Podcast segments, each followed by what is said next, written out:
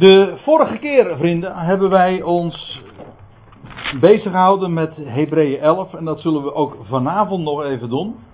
Maar ik heb zo het vermoeden dat we dat vanavond wel tot een afsluiting zullen kunnen brengen.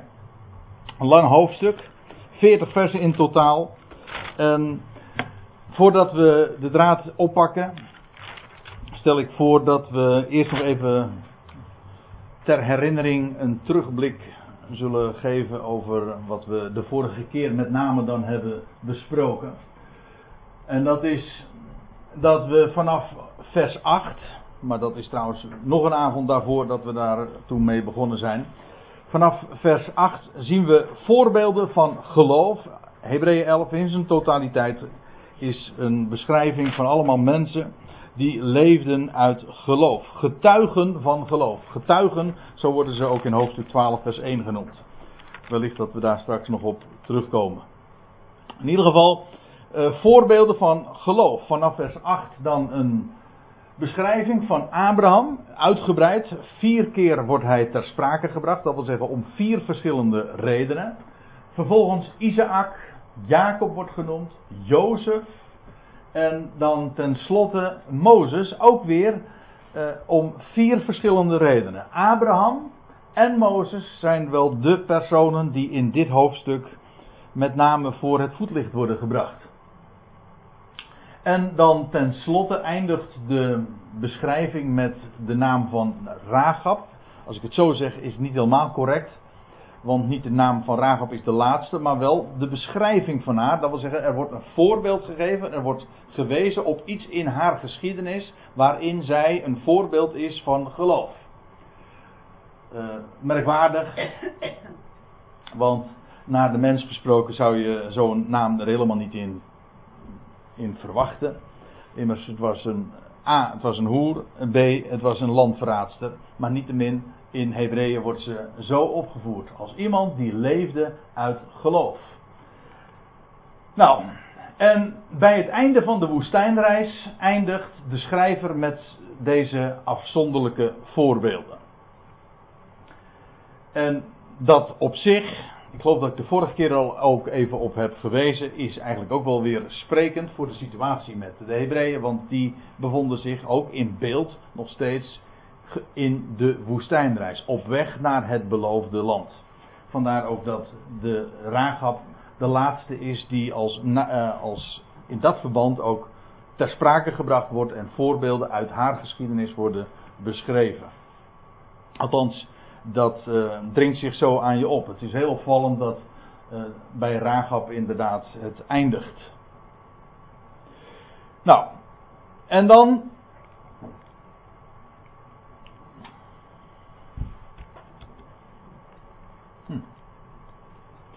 Ik dacht even, hij gaat er weer mee stoppen, maar dat valt mee.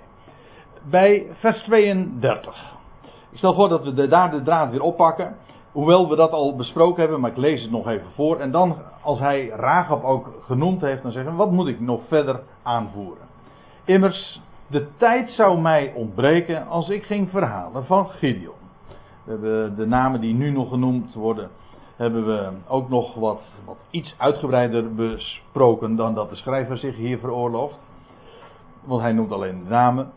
Als ik ging verhalen van Gideon, van Barak, Simson, Jefta, David, Samuel, de profeten. Samuel is trouwens de, de laatste van de richteren en de eerste, zo weten we, van de profeten.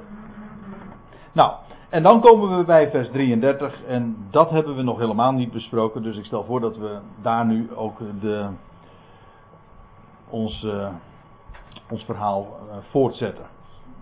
Goed, dan staat er uh, mensen die door, nadat dus, dus de, de namen genoemd zijn, die door geloof koninkrijken onderworpen of bedwongen hebben. Dat is eigenlijk wat er staat.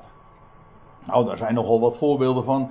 Van allemaal mensen die dat gedaan hebben. In, richt, in de. Denk aan Gideon, denk aan Simson, maar, maar ook aan David. Nou ja, eh, zo namen die hier dan inderdaad genoemd werden. Gerechtigheid geoefend, of letterlijk rechtvaardigheid werken. Deden wat recht is, of uitwerkten wat recht is. En de vervulling van de belofte verkregen hebben. Kijk, wat in dit hoofdstuk zo schitterend uiteengezet wordt en ook ja, niet alleen maar uitgelegd, maar ook beschreven, toegelicht wordt, met voorbeelden gelardeerd.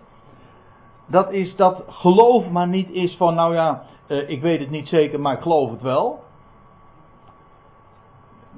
Geloof, dat is de overtuiging van zaken die we niet zien. Dat heeft inderdaad te maken met, daar gaan we vooruit. Het is een, uh, een, een volledige overtuiging en daarna leven, een onderstelling. Dat is het uitgangspunt. Zo heeft God gesproken en dat is het en niet anders. En dat is zo'n enorme power. En nou ja, wat het uitwerkt in hun leven, dat hebben we dus al uitgebreid bezien. En hier wordt, wordt dan in het algemeen, zonder nadere toelichting, uiteengezet en, uh, en verteld wat dat allemaal uitwerkte. Dat ze geloof, of dat ze, pardon, dat ze koninkrijken bedwongen. Dat ze gerechtigheid oefenden, te midden van allemaal onrecht de vervulling van de belofte verkregen hebben. Dat staat er trouwens niet. Uh, van de belofte enkelvoud. Er staat letterlijk verkregen, de, verkregen beloften. Meervoud. Uh, dat is van belang, omdat je anders een tegenspraak krijgt, ook met hoofdstuk 11, vers 39, het, bijna het einde van dit hoofdstuk.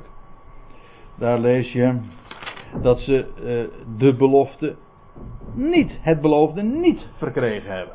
En het grote verschil is dat het hier, eh, daar gaat in vers 39 van hoofdstuk 11 over de belofte. Namelijk de grote belofte in het algemeen die God heeft gegeven over Christus. En dat wat, wat hij is, de belichaming van de belofte.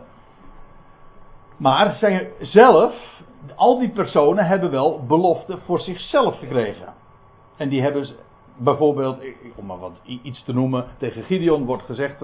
Uh, dat hij, een, uh, dat hij het volk van de Midianieten zou verslaan. Dat, dat zegt die engel die aan hem verschijnt. Die, en die boodschap krijgt hij. En de vervulling daarvan heeft hij ook daadwerkelijk ondervonden. Dat wil zeggen, hij heeft de. Zij, zij al die personen. En dat geldt.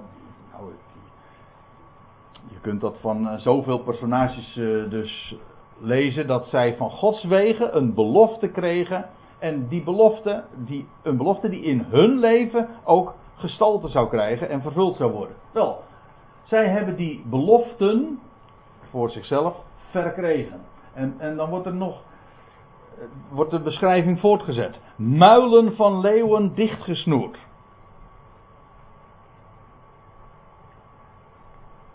Waar zo al een aantal namen, ik ben nog niet eens compleet, want ik, uh, ik uh, herinner me, terwijl ik het zo deze toelichting zie, herinner me ook nog een naam van Elhanan in het boek Samuel, die ook de, vocht tegen een leeuw en hem dwong. Simpson is bekend natuurlijk. David, die een leeuw en een beer verscheurde. En vervolgens, ja, dat lees je toch over hem, dat hij voordat hij die Filistijn gaat benaderen, dan lees je, ik heb, ik heb gevochten tegen een leeuw en een beer. Dat is trouwens ook erg profetisch. Maar goed, uh, Daniel, die bekend van de kuil. En dan lees je ook inderdaad in Daniel 6 dat al die vraatzuchtige leeuwen, die bovendien uh, niet gegeten hadden, dus ja, die waren een willig prooi. Of Daniel was een willig prooi voor, voor hen. Maar hun, leeuw, eh, hun muilen, lees je ook ergens in dat hoofdstuk, waren dichtgesnoerd. Dat wil zeggen, ze konden hem niks doen. Ja, door geloof. Kijk, dat is geloof. Wat, al die voorbeelden die hiervan gegeven worden. De kracht van het vuur gedoofd hebben. Trouwens, er staat niet uh, het vuur gedoofd hebben, maar de kracht van het vuur gedoofd hebben. En dan denk ik weer aan Daniel, maar dan aan zijn vrienden die weliswaar het vuur niet doofden, maar wel de kracht van het vuur gedoofd hebben. Dat wil zeggen, door geloof is dat aan hen geschied. Want het is natuurlijk niet zo dat zij dat in eigen kracht of zo deden. Ik denk dat ze zelfs helemaal geen enkele invloed daarop hebben gehad. Het overkwam hen. maar niettemin door geloof. En dat is het telkens weerkerend refrein. Door geloof. Vergis je niet. Uh, zij zijn aan scherpe zwaarden ontkomen. Ze vluchten voor de monden van het zwaard. Heel opmerkelijk trouwens, stomata, stoma, dat betekent eigenlijk een mond. We kennen dat woord natuurlijk ook nog. Maar uh, de, dat is een typische Hebreeuwse manier van zeggen een, over de, dat er sprake is van de mond van het zwaard. Wat trouwens, als je het even over doordenkt, ook typologisch heel op, opmerkelijk is, want het zwaard is er weer een beeld van het woord. Zodat uh, de mond van het zwaard, waardoor, de, het, het, waardoor het woord uh, gesproken wordt. Ja, inderdaad. Nou ineens moet, uh, terwijl je het zegt. Uh, je leest van dat uh, als de Heer Jezus in het boek Openbaring verschijnt, dan staat er en er kwam een zwaard uit zijn mond. En ja, dat is in Hebreeën 4. Het woord van God is scherper dan enig tweesnijdend zwaard. Het zwaard verslindt er ook. Het zwaard verslindt ook, ja. Ja. Ja, allemaal associaties uh, van zwaard en mond en, en, en woord. Ik moet ook denken aan uh, die mooie geschiedenis van Ehud. Mooi tussen aanhalingstekens. Ja, ik vind het, ik vind het mooi. Van Ehud, dat hij bij die dikke koning Eglon komt. En dan lees je uh, dat hij. Ja, ik ga nou niet de hele geschiedenis vertellen, maar dan zegt hij van: Koning, ik heb een woord voor u. Ik heb, nee, ik heb een woord Gods voor u. Ja, zo zegt hij het. Ik heb een woord Gods voor u. En dan komt hij, en wat doet hij? En die koning, die, die, dan lees je dat hij uh, tot Ehud nadert. En dan de linkshandige Ehud dan uh, met zijn zwaard uh, doorsteekt hem. En, en, en met het idee van, alsjeblieft, dat is het woord Gods. Het zwaard. Een hartig woordje. Hè? Een hartig woordje. Een hartig woordje, ja. Ja, dat zijn allemaal schitterende beelden. Maar uh, zodat die zegswijze al heel met recht veelzeggend is. De associatie, het zwaard en het woord. Goed, uh, zij zijn aan scherpe zwaarden ontkomen. David aan Saul, Elia aan Izebel, om maar eens een paar voorbeelden te geven. Van elk, elk van de uh, beschrijvingen die je hier zo vindt, al die regels, daar kun je zo met gemak uh, wel een aantal bijbelse voorbeelden van bedenken. Of in ieder geval op zijn minst één, want de kracht van het vuur gedoofd hebben, zou ik maar één bijbels voorbeeld van kennen. Inderdaad, dat is wat ik zojuist zei, de vrienden van Daniel. En soms zijn er veel meer. Uh, in zwakheid hebben zij kracht ontvangen. Uh, letterlijk vermogend gemaakt vanaf zwakheid. Het idee is, ze waren zwak, maar God maakte hen vermogend. Hoe? Ja, Gods woord. En maar dat is wat geloof toch is. Geloof is toch niets anders dan staan op en aanvaarden het aannemen van wat God gesproken heeft. Dat is niks. Geloof aan zich is helemaal niks. Het is geen verdienste. Het is niks anders dan de woorden tot je nemen en daarvan uitgaan. En dat is. En dan, al ben je zwak, krijg je, word je daardoor vermogend. Dat wil zeggen, vermag je alles. Zegt Paulus ook. Ik vermag alles in hem die mij zijn kracht geeft. Hij spreekt en zijn woord is leven, is kracht, is een scherper als een tweesnijdend zwaard. In zwakheid kracht ontvangende. En zij zijn in de oorlog sterk geworden. Nou, zijn ook heel veel voorbeelden van uh, te geven. En ze hebben vijandige legers doen afdeinzen. Of zoals er letterlijk staat, legerplaatsen van, van vreemden, van uitheemse, hebben ze doen wijken. Nogmaals, van al deze dingen lees je vele voorbeelden in het boek Samuel, in het boek uh, Koningen. Vrouwen, staat er, hebben haar doden uit de opstanding terug ontvangen. Kijk, ook twee voorbeelden van. Moet ook wel, want er staat vrouwen. Dus dat moeten er minstens twee zijn. Ik ken er trouwens ik ken er twee voorbeelden van. En dat zijn de weduwe van Sarfat. in de geschiedenis van Elia, die haar zoon terugkreeg. En de Sunai, Sunamitische in de geschiedenis van Elisa, die ook haar zoon terug ontving uit de doden. In beide geschiedenissen, Elia en Elisa. Ook een weduwe trouwens. En, uh, En Maria. en Maria, ja. Ja, zeker.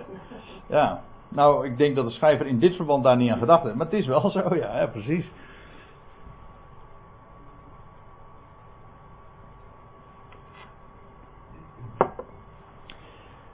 En anderen, staat er, hebben zich laten folteren. Anderen, we zullen dat trouwens in het volgende vers ook zien. Eh, daar, daarmee is ook aangegeven, dat is dat er nu ook een, een nieuwe categorie besproken gaat worden. Kijk, dat blijkt ook wel, er staat anderen echter. Ik, ik kom daar straks nog even op terug. Ik lees nu even dit. Anderen hebben zich laten folteren en van geen bevrijding willen weten. Dus, uh, trouwens, daar moet ik er ook nog bij zeggen. De, in deze opsomming wordt niet alleen verwezen naar bijbelse voorbeelden. Maar we zullen ze straks uh, nog een paar uh, voorbeelden daarvan zien. Dat hij ook verwijst naar de meer recente geschiedenis. Kijk, het boek, de, of de brief van de Hebreeën is geschreven uiteraard aan Hebreeën. En er wordt gezinspeeld op, op de geschiedenis van hun eigen volk. Van de Hebreeën. Maar de recente geschiedenis, we kennen ze nog uit de apocryfe boeken, de Maccabeeën. Daar vinden we dit bijvoorbeeld. Uh, anderen hebben zich, laat, zich laten folteren en zelfs van geen bevrijding willen weten. In het boek van de Maccabeeën vind je een heel hoofdstuk erover dat zo'n priester, ik heb het uh, niet uh, echt heel goed nagelezen, dus ik kan, ik kan, het niet zo direct verhalen, maar in ieder geval een, een priester, die werd onder druk gezet en hij zou bevrijd kunnen worden. Maar dan, moest hij, dan, dan, lees je, dan zou hij het vlees van zwijnen moeten eten. En dat weigerde hij. Hij heeft zich laten, hij heeft zich laten folteren en hij wilde niet van uh, bevrijding weten. Waarom? Wel, hij ging uit van dat woord wat aan de Hebreeën gegeven was. Daarom. En waarom deden ze dat? Omdat zij aan een betere opstanding deel mochten hebben. Dat wil zeggen, niet bevrijd worden in dit, in dit leven, maar met het oog op de opstanding van uh, ten leven. Ook, zoals gezegd, dit verwijst dus naar de geschiedenis van de Maccabeeën. Kijk, en zo rekent geloof vanuit het woord en je weet van de van de verwachting. En dan kun je al die andere dingen die normaal gesproken in, in je beleving en gewoon als je puur afgaat op je zintuigen zo belangrijk zijn, dan laat je dat toch allemaal niet uh, gebeuren. Dan kies je toch heel andere dingen. Ja, maar geloof gaat ook niet af, af op en ook niet uit van, van dat wat je ziet en van de eigen redeneringen, maar van wat God gesproken heeft. Dat is nou het grote verschil. En dan zie je niks, dan hoor je niks, dan voel je niks. God heeft gesproken, er staat geschreven en dat is precies wat telt. En dat is maar wat je wereldkijk en ook je beleving daarom totaal anders maakt.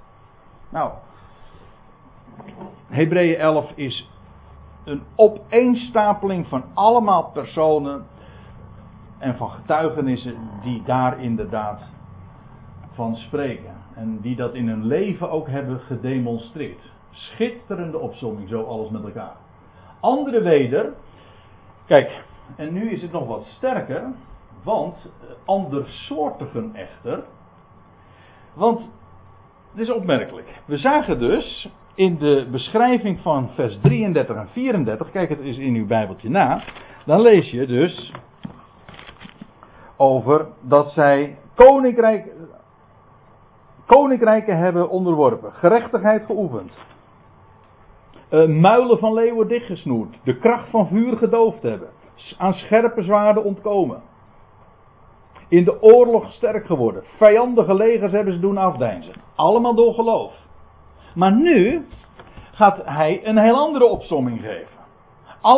Ook van mensen die leefden door geloof, maar die juist het tegenovergestelde ondervonden. Die niet aan het zwaard ontkwamen, maar juist uh, nou, hoe staat het er zelfs? wat we zullen zien. de, doormidden gezaagd, met het zwaard vermoord. Nou ja, al dat soort voorbeelden.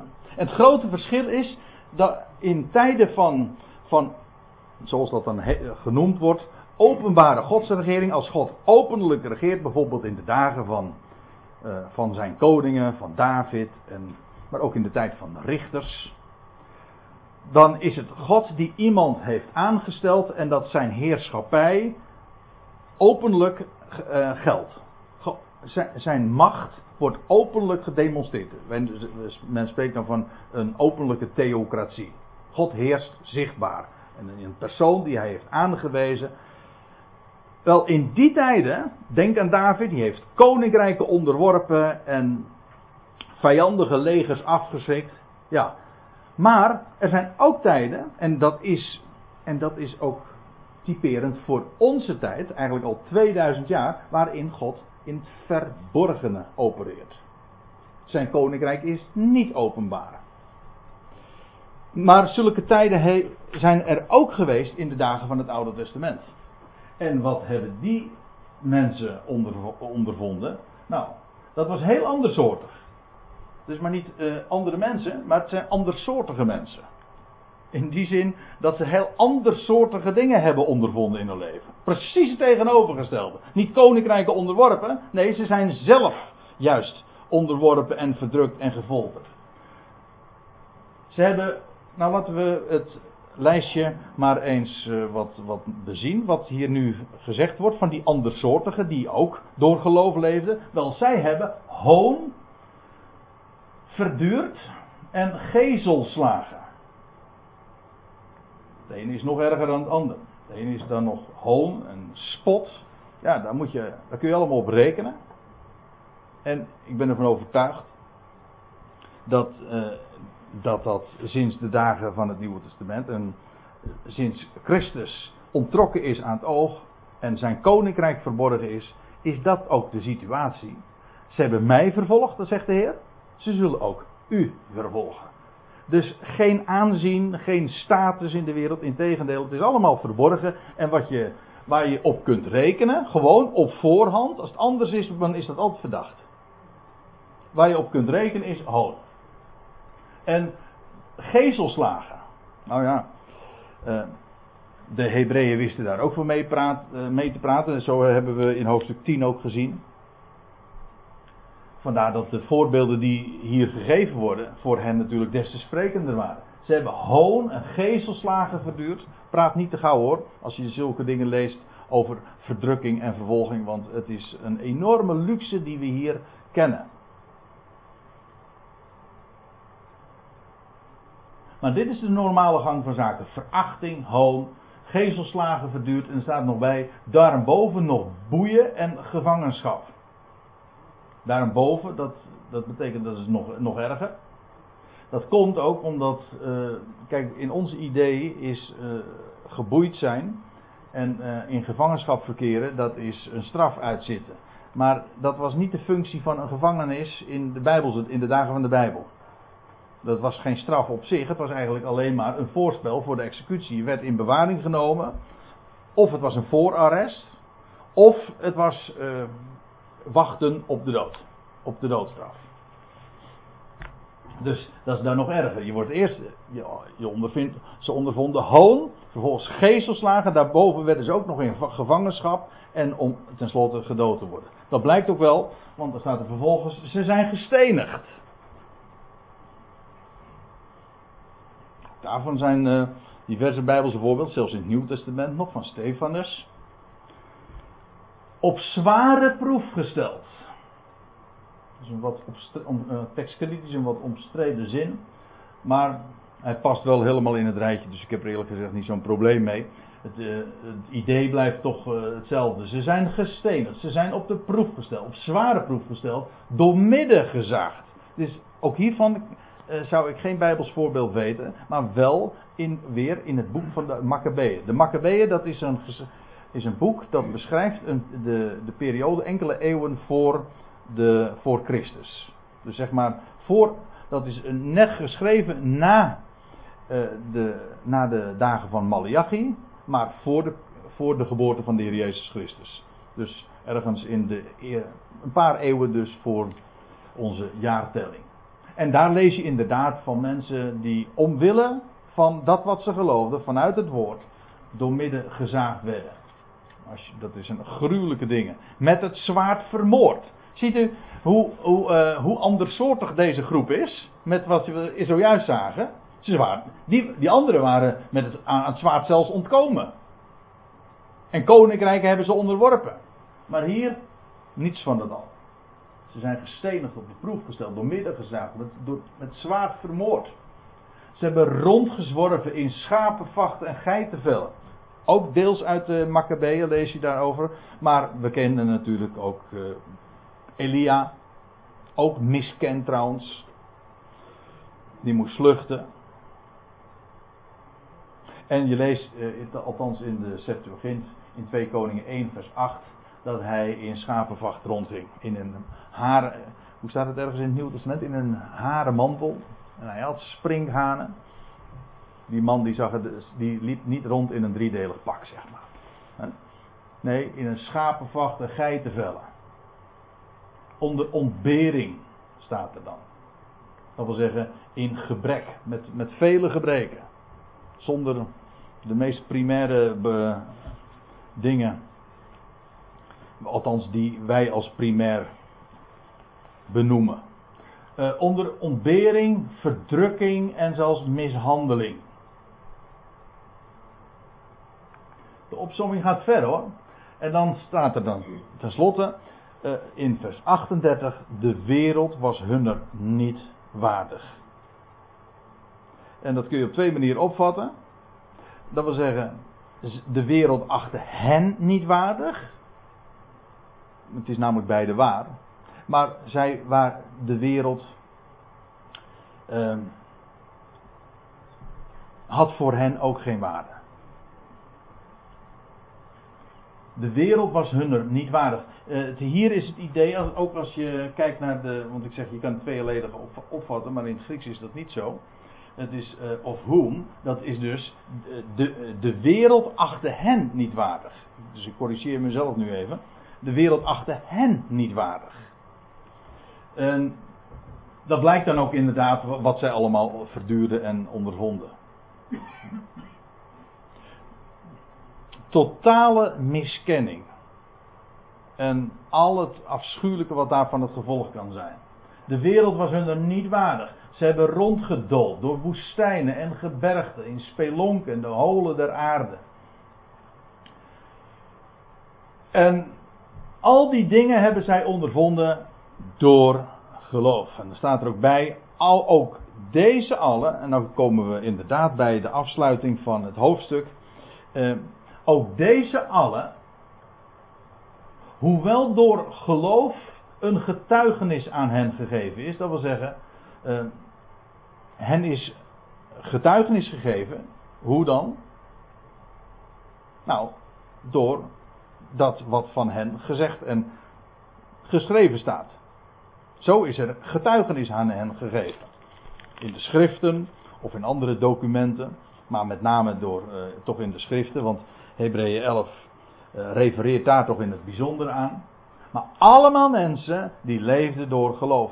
Allemaal voor het grootste gedeelte ook voorvaderen van de Hebreeën. Die leefden uit geloof en vandaar ook dat, ze, dat al deze mensen voor deze Hebreeën zo'n geweldig voorbeeld waren. Dus het loutere feit dat de Hebreeën van de zijde van hun volksgenoten zoveel on, verdrukking ondervonden. En dat het er zo om ging spannen. Wel, wat de schrijver zegt, dat is niks bijzonders. Want zo is het nooit anders geweest. En als je in geloof je weggaat, dan, dan is dat de normale gang van zaken. Maar ook laat hij zien wat geloof in zulke omstandigheden, als het er zo op aankomt, onder zulke enorme druk, wat geloof vermag. Of eigenlijk anders is het is wat het woord dan vermag. Door geloof. Doordat je dat mag beamen, daarop mag staan. Wel, door het geloof is aan hen getuigenis gegeven. En doordat er van hen getuigenis is gegeven, kunnen we daar kennis van nemen. Het staat allemaal zwart op wit opgetekend. En zij hebben, staat er, het beloofde niet En nou ben ik weer terug waar we het al even over hadden. En hier staat inderdaad de belofte. Enkelvoud. Het gaat hier over de beloofde zegen die uh, gerealiseerd zou worden in Christus. Hier wordt dus gerefereerd aan alles voor de komst van Christus, maar allemaal mensen die niettemin leefden uit het geloof. Wel, ze hebben het beloofde niet verkregen. Dat wil zeggen, ze zijn gestorven zonder dat ze uh, weet hadden van de Christus. Ja, het was beloofd. En wat, wie de Messie, dat de Messias zou komen, dat wisten ze dat zou gebeuren. Maar ze hebben het niet gezien, niet verkregen. Inmiddels was de situatie voor de Hebreeën anders. Daarom waren zij ook zo bevoorrecht. Het beloofde hebben ze niet verkregen. Dat wil zeggen, nu nog steeds niet. Toen Paulus, de schrijver, dit optekende en wij nu in 2014 kunnen dat nog steeds net zo zeggen. Al die mensen in Hebreeën 11 van Abraham en Jozef en Jacob en Mozes.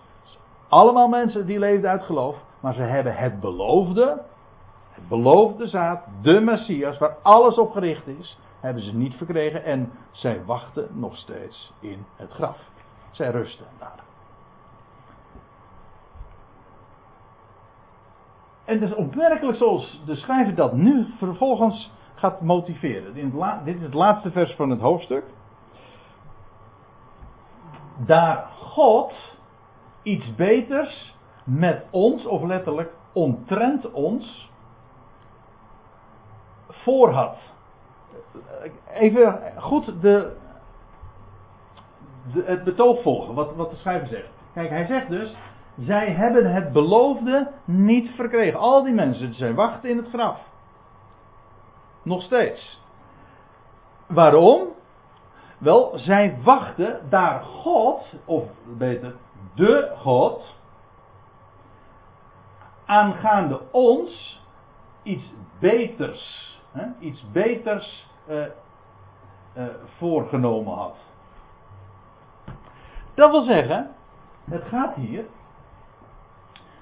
let op, over de Hebreeën. Ik weet het, we kunnen natuurlijk heel veel daarvan leren. En we kunnen heel veel dingen ook zo zonder meer op ons eh, van toepassing brengen. Maar hou altijd in gedachten, dit is geschreven aan de Hebreeën. Het overblijfsel van Israël. Zo worden ze in deze brief ook benaderd.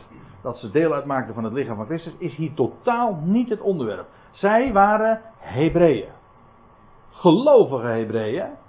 En daarmee ook dus een overblijfsel van Israël. Zoals God straks met het overblijfsel van Israël een nieuw verbond zal sluiten. Zo worden ze in de Hebreeënbrief beschouwd. Als een voorloper van.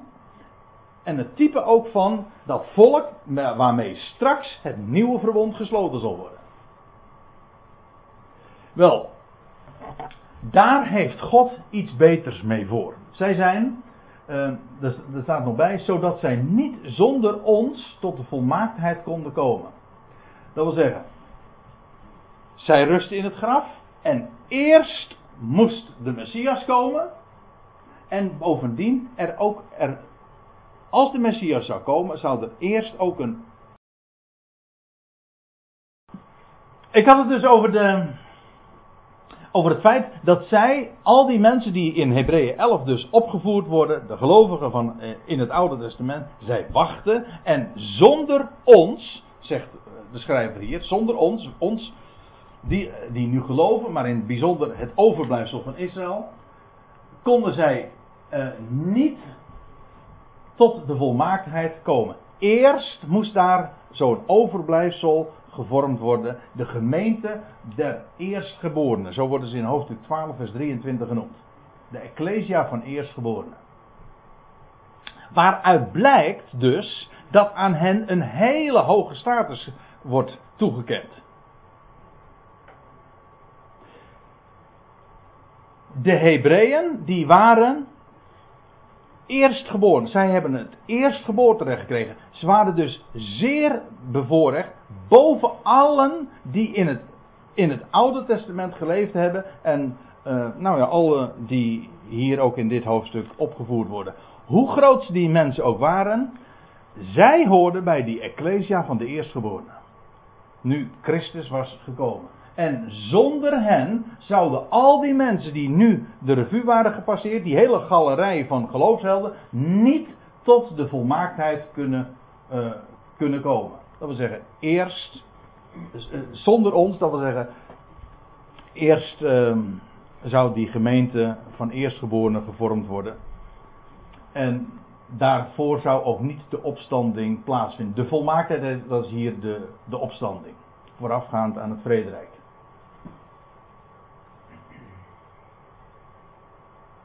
Ja, en uh, dat is dus het laatste vers van, uh, van hoofdstuk uh, 11.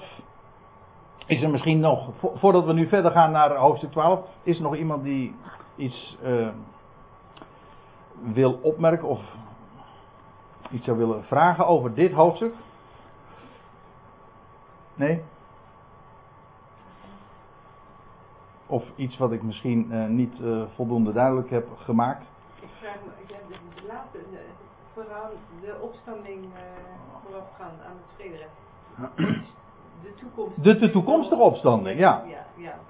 Dus zij wachten, zij, zij hebben, al die mensen in Hebreeën 11, al, al die geloofshelden, wel, zij wachten, ze hebben het beloofde niet verkregen, ze rusten in het graf en zonder ons, oké, okay, uh, speciaal hier dus die Hebreeën, zonder die gelovige Hebreeën, zouden zij, kunnen ze niet tot opstanding komen. Eerst moest de Messias komen en eerst moesten ook zij uh, de, de zegen in Christus onder ontvangen en die ecclesia van eerstgeboren. Dat wil zeggen, die, die, dat overblijfsel aan wie het eerstgeboorterecht gegeven wordt. De hoogste zegeningen.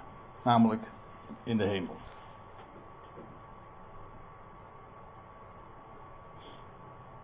Oké, nou. Dan gaan we nu verder in hoofdstuk 12, vers 1. Zo, en zo groot is het verschil uh, nou ook weer niet hoor. Want hoewel weliswaar wordt hier in, in vers 40 van hoofdstuk 11 iets afgesloten. Maar vervolgens wordt daar in hoofdstuk 12, vers 1, weer wordt het betoog gecontinueerd. Want dat, blijkt, er staat al, alleen al uit het eerste woord. Daarom dan. En dat volgt dus helemaal uit het, uit het voorgaan. Daarom dan.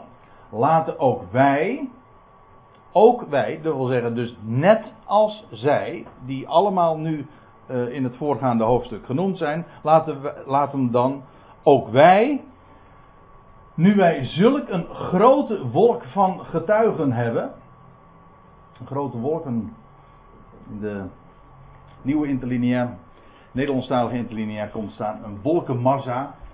Uh, hier wordt dat weergegeven met een grote wolk. Andere vertalingen spreken over een zwerm. Het idee hier is trouwens, we zullen dat eh, in de rest van het vers ook nog zien, dat van een wedloop, van een stadion, wel, eh, als je de wedloop loopt, dan heb je ook toeschouwers. Ik kom daar straks nog even op terug. Maar, uh, en daar zit de tribune helemaal vol.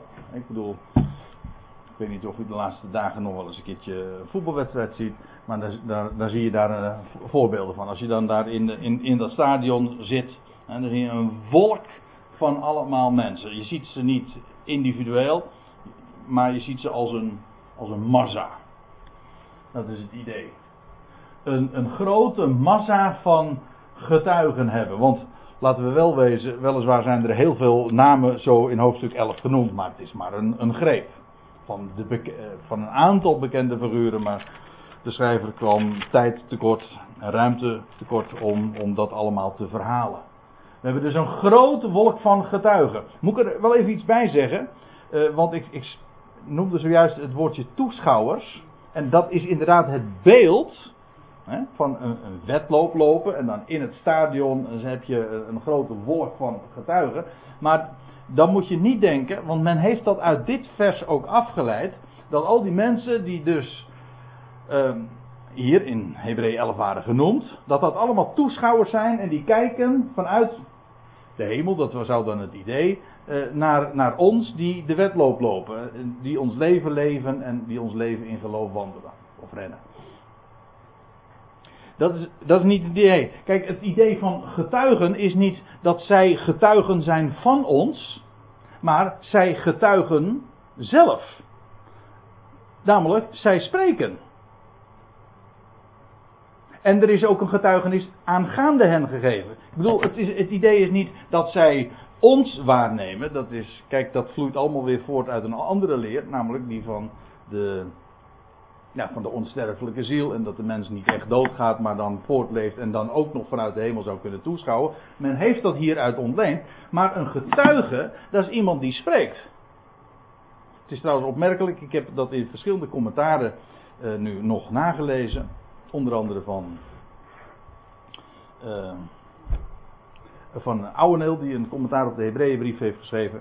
En die gelooft in een onsterfelijke ziel, maar die, die, die moet zo eerlijk zijn om wel toe te geven dat het hele idee van, van toeschouwers die vanuit de hemel ons, van overleden mensen die uh, ons vanuit de hemel uh, aanschouwen. Hij zegt dat kun je niet hierin ophangen, het, dat is ook absoluut niet het idee.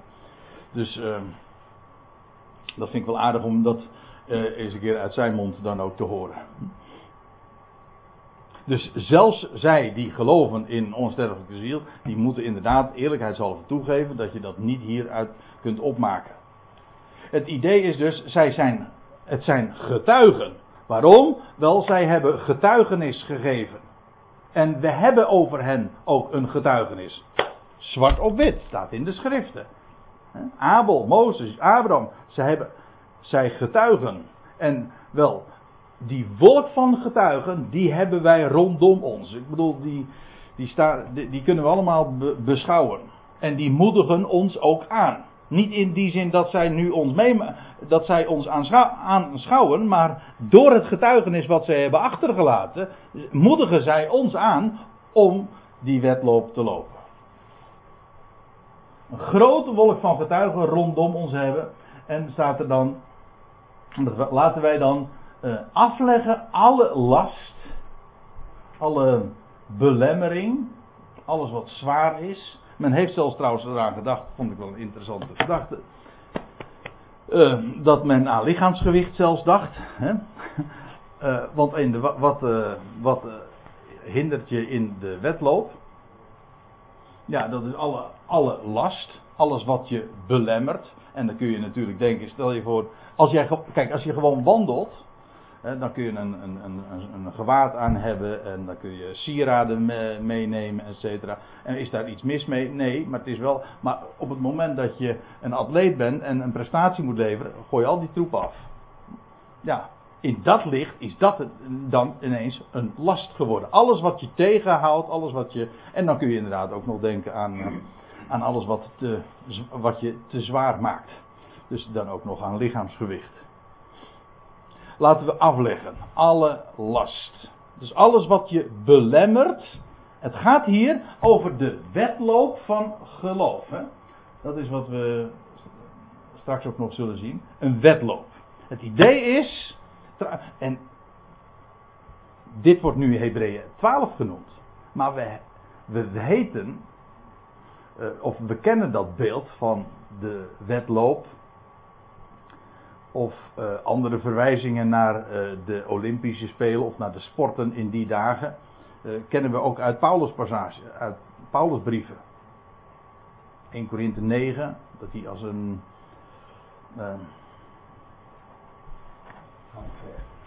ja, nee, kampvechten dat is in 1 Timotheus 2. In, in 1 Korinthe 9 is het over die krans die, ja, die voor ons ligt. In, en in Filippenzen 3. Eén ding doe ik, vergeten dat geen achter mij ligt. En dan, ook dan gebruikt hij het beeld van de, de spelen en de sporten die in die dagen uh, zo populair waren. En hier in Hebreeën 12 weer. En dan is het idee daarbij van een.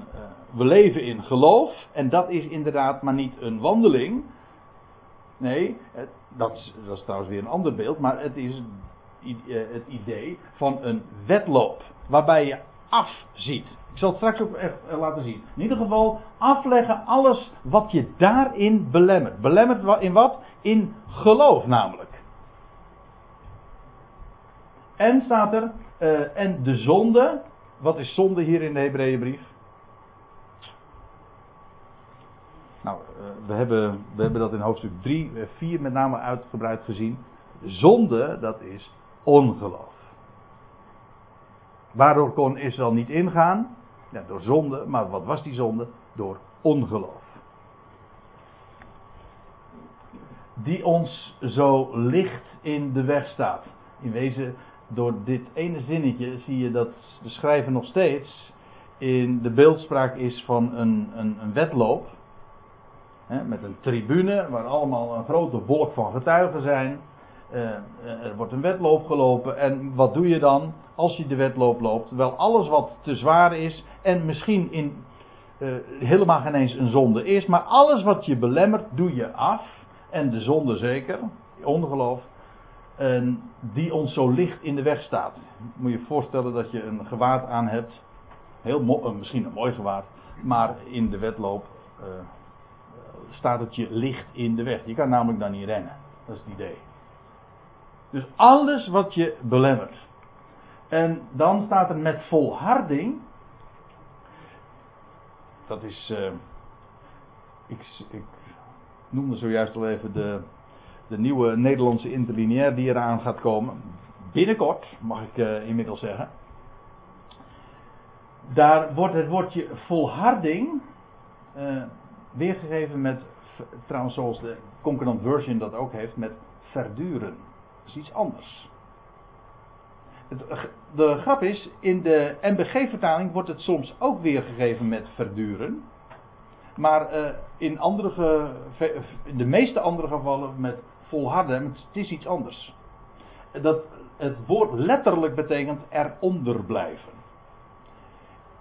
Dus, terwijl je eh, zoveel meemaakt, je verduurt het. Je blijft eronder, waarbij in dit geval het eh, helemaal niet zo moeilijk ook is om, om de link te leggen met je blijft eronder, namelijk waaronder? Dat woord. En die omstandigheden, die, die verdraag je. Het gaat er dus niet zozeer om dat je, dat je uh, de kracht hebt om vol te houden. Nee, alles wat je ondervindt, alle tegenslag, alle verdrukking, alle tegenkrachten, verduur je. Ze brengen je niet van de wijs. Je. Geef toe, de betekenis van verduren en volharden ligt uh, dicht bij elkaar. Maar het, er is een subtiel verschil. Met uh, die ons zo licht in de weg staat en staat met verduring de wedloop. Lopen, nou dus de wedloop is eigenlijk, je rent hem natuurlijk. Rennen, de wedloop rennen die voor ons ligt.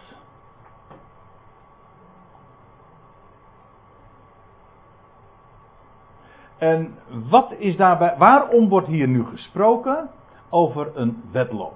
Waarom is dat leven in geloof een wedloop? Ik zei al, je hebt het, hier is het beeld, die wolk van getuigen op de tribune. Uh, er zijn zoveel dingen die je kunnen hinderen en die moet je afleggen. Daarom wordt het genoemd. Maar er is nog een reden. En we, zullen, we zien dat meteen in het uh, tweede vers van, van dit hoofdstuk. Laat ons oog daarbij alleen gericht zijn op. U ziet, er een, het is een hele lange zin. Maar in het Grieks staat hier maar één woord. Wegkijkende. Dat is het woord. Wegkijkende, dat wil zeggen alles wat, je, wat er te zien is, daar kijk je van weg. Waarom? Omdat je gefocust bent op. Dat is eigenlijk het woord wat wij in dat verband gebruiken. En ook in sporttermen is dat een bekende term. Hè? Je, een, iemand die, die een sportieve prestatie levert. Wel, alles wat misschien voor een normaal mens van waarde is en uh, normaal is. Wel, daar kijkt een sporter, iemand die een prestatie moet leveren, van weg. Hij heeft één focus. En al het andere, hoe leuk, hoe goed, hoe aardig dat allemaal ook mogen zijn, is niet interessant. Sterker nog, het hindert alleen maar. En het is dus het totaal wegkijken van al het andere. Daarom is dat beeld van die wedloop zo prachtig. En waarom de weg van geloof vergeleken wordt met een wedloop, is juist ook vanwege die focus die een sporter, een atleet heeft. Die heeft één ding op het oog. En de vraag is helemaal niet van uh, of bepaalde dingen goed zijn of niet. U weet wel, hè, dat zijn de bekende uh, morele, ethische kwesties. Is dat nou goed of is dat nou fout? Mag dat dan wel of mag dat nou niet? Dat is voor een sporter niet interessant. De vraag is niet of het mag of niet mag. De vraag is, draagt het bij aan de prestatie die je op het oog hebt, ja of nee? Als het antwoord nee is, dan weg. Dan staat het je namelijk alleen maar in de weg. Hoe goed het in zich misschien ook mogen zijn. Het is dus geen morele kwalificatie. Het punt is, het hindert je om daar te komen waar je wil, waar je wil zijn.